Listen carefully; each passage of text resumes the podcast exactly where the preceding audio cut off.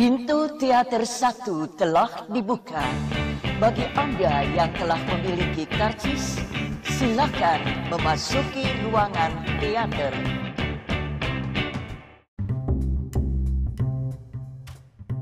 Balik lagi sama gue Mustafa di podcast Habis nonton film um, Jadi beberapa jam yang lalu ya Gue baru aja nonton film Weathering With You Sebuah karya terbaru dari Makoto Shinkai yang sebelumnya pernah sangat terkenal oleh film Kimi no Nawa-nya ya, Your Name-nya. Yang kabarnya Kimi no Nawa ini mau diadaptasi menjadi live action oleh Hollywood yang sepertinya akan dikutuk oleh banyak manusia di muka bumi ini karena haram sih kata gue kalau film sekelas Kimi no Nawa ini di remake lagi live action. Karena karena Hollywood selalu merusak uh, anime atau kartun-kartun Jepang ketika dibikin live action gitu ya. Ada Dragon Ball ada Avatar eh you name it lah. Nggak ada yang berhasil men. Nggak ada. Kacau balau semuanya kacau balau. Nah uh, baik lagi. Uh, Weathering with You. Gue sambil minum ya. Um, Weathering with You karya Makoto Shinkai yang baru ini sebelumnya karena gue sebelumnya udah nonton Kimi no Nawa beberapa tahun yang lalu ya. Uh, kayaknya ketika gue ketika gue baru lulus kuliah ya itu sekitar empat tahunan lalu lah gitu ya. Uh, film ini membuat gue tercengang gitu karena karena gue baru tahu kalau film animasi film anime film panjang ya anime itu bisa menghentakkan dan bisa menghanyutkan seperti ini gitu uh, di, eh, di di kala itu gitu ketika gue masih masih belia anjing masih belia. Masih muda gitu ya anjing kayak masa gue sekarang tua? Enggak.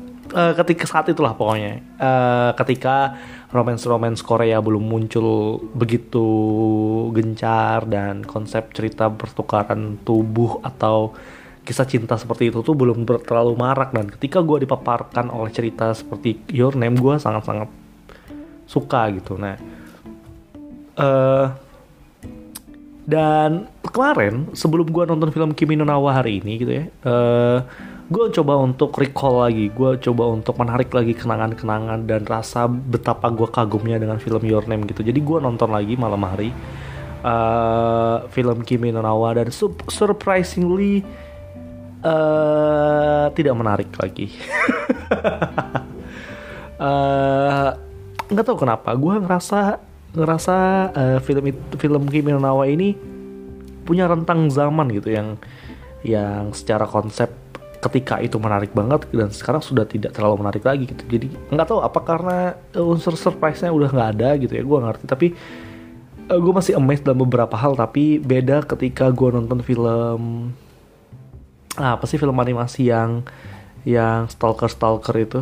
Uh, ah aku lupa. Itu sih bagus. Itu nggak nggak punya rentang zaman. Tapi kalau ini ini punya rentang zaman dan bikin gue ngerasa nggak uh, tahu kenapa ada rentang zamannya. Karena uh, Weathering with You ak akhirnya berdampak juga sama film Weathering with You ya, Weathering with You yang gue tonton barusan. Uh, dengan ekspektasi yang melambung tinggi dan apa ya dengan dengan review-review yang bertebaran di Twitter dan media-media yang ada uh, ternyata tidak mencapai ekspektasi gue dan ternyata tidak sebegitu mengagumkan lah. Uh, jangan lagi pertanyakan soal visual karena permainan visualnya sangat menarik, uh, apalagi khas banget ya dari Makoto Shinkai. Meskipun gue baru nonton Your Name dan gue belum nonton 5 center 5 cm itu. Uh, tapi visualnya emang nggak diragukan lagi lah. Maksud gue itu dia punya trademark sendiri yang lu bisa tahu gitu ketika oh ini filmnya Makoto Shinkai. Nah uh, sama kayak Ghibli kan ketika lu nonton film Ghibli lu tahu oh ini film Ghibli nih. Nuansanya cara karakternya bergerak cara karakternya uh, tumbuh dan segala macamnya kita tahu kalau itu bikinannya Ghibli. Nah ketika gue nonton film Makoto Shinkai gue tahu juga filmnya Uh, jadi itu tidak perlu diperdebatkan lagi kekhasan dan keindahan dari visualnya. Cuma dari segi cerita ada beberapa hal yang ngebuat gue ngerasa film ini uh, berubah alur ketika ketika karakter itu uh, udah menemukan halangan-halangannya gitu karena gue tadi kan udah bilang uh, filmnya uh, bukan. Gue tadi udah cerita belum uh, sebenarnya kan ini ngomongin tentang seorang uh, laki-laki bernama Hodeka. Kalau nggak salah namanya Hodeka dan dia itu eh Hodeka bentar bentar, bentar, bentar gue cek gue cek gue cek. Hodaka Hodaka sih kalau di Letterboxd Hodeka nggak salah.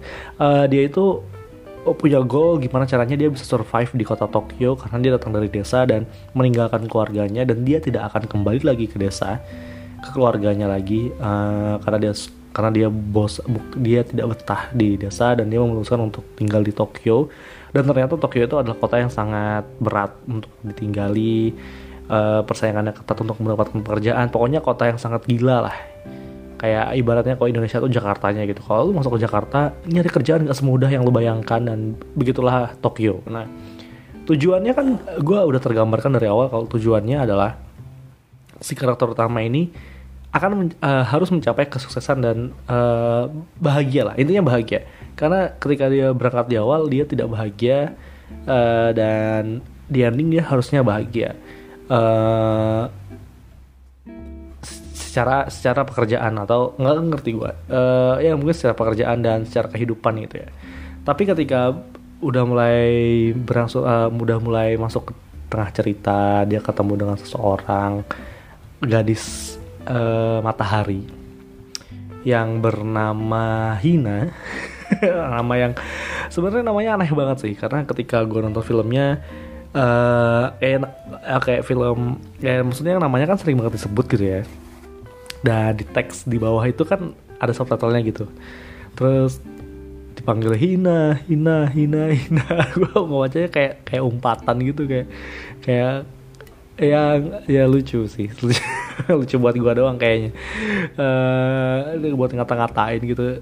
Uh, tuh dan dia jadi si Hodeka ini bertemu dengan satu karakter bernama Hina yang merupakan gadis matahari yang secara magis secara uh, mistis gitu ya. Dia berhasil mendapatkan kekuatan untuk mengatur uh, cuaca yang ada di dekat dia gitu. Nah uh, ternyata kekuatan ini tidak datang begitu aja kekuatan ini jika dirunutkan dan itu diceritakan juga dalam filmnya itu memiliki sebuah uh, latar belakang dan mitos-mitos atau legenda-legenda lah gitu. Nah kalau, kita kita punya itu, Indonesia punya itu dan Jepang menggunakan itu, Makoto Shinkai menggunakan eh, legenda-legenda Jepang itu menjadi sebuah cerita gitu. Jadi ceritanya si uh, Hina ini adalah garis benang uh, benang tipis penghubung antara dunia di langit dan dunia di bumi gitu. Nah, dia adalah yang menghubungkan itu. Orang Jepang dan legenda-legenda Jepang percaya kalau di langit itu ada kehidupan dan di uh, langit itu tempatnya lebih besar daripada lautan. Jadi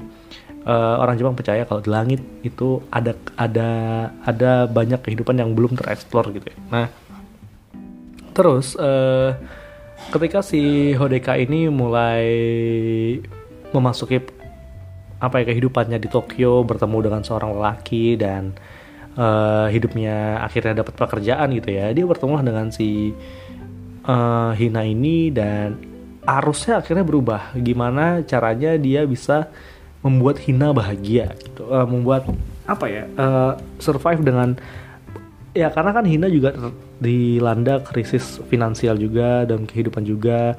Ada problem-problem kehidupan juga yang dimiliki dan mereka mirip gitu. Tapi uh, ujung ceritanya akhirnya mengarah yang tadinya kita berfokus kepada kehidupannya si Hodeka gue ngerasa agak sedikit geser ke ke kehidupannya Hina gitu. Uh, dan ada banyak hal yang berlebihan kayak misalnya uh, I don't know uh, penggunaan pistol di dalam film itu menurut gue tidak merepresentasikan apa-apa gitu ya selain ke apa ya si anak-anak itu impulsif gitu ya uh, tindakan ceroboh dari anak-anak remaja gitu yang men, yang men, beranjak remaja.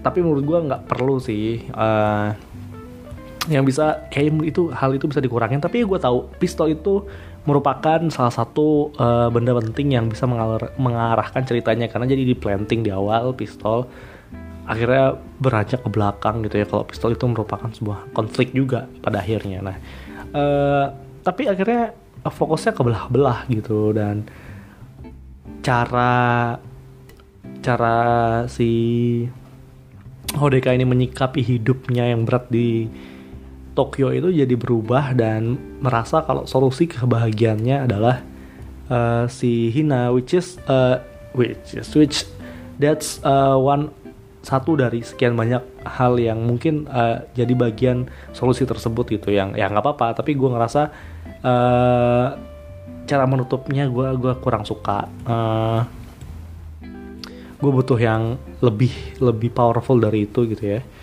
Uh, ya kenapa harus tiga tahun juga? Ba banyak banyak hal yang yang yang gue kayaknya harus nonton lagi untuk lebih paham gitu ya. Tapi karena ini gue nonton langsung gue serap dan apa adanya yang gue ucapkan ini jadi kayaknya gue ngerasa ya kenapa harus tiga tahun? Kenapa nggak langsung saat itu juga? Atau berapa tahun kemudian atau bla bla bla ngerti juga sih. Uh, fantasinya terlalu berlebihan lah kalau gue gue bilangnya fantasi terlalu berlebihan. Tapi uh, overall tetap uh, tetap bisa untuk dinikmati dan masih bisa untuk lo tonton gitu ya sebagai sebuah film anime dan mengeksploitasi banget kalau film film ini tuh berhasil mengeksploitasi kelebihan animasi gitu. Jadi banyak hal-hal mustahil yang lu nggak bisa ciptakan di live action. Kalaupun lu bisa pasti lu pakai teknik uh, eh, CGI gitu.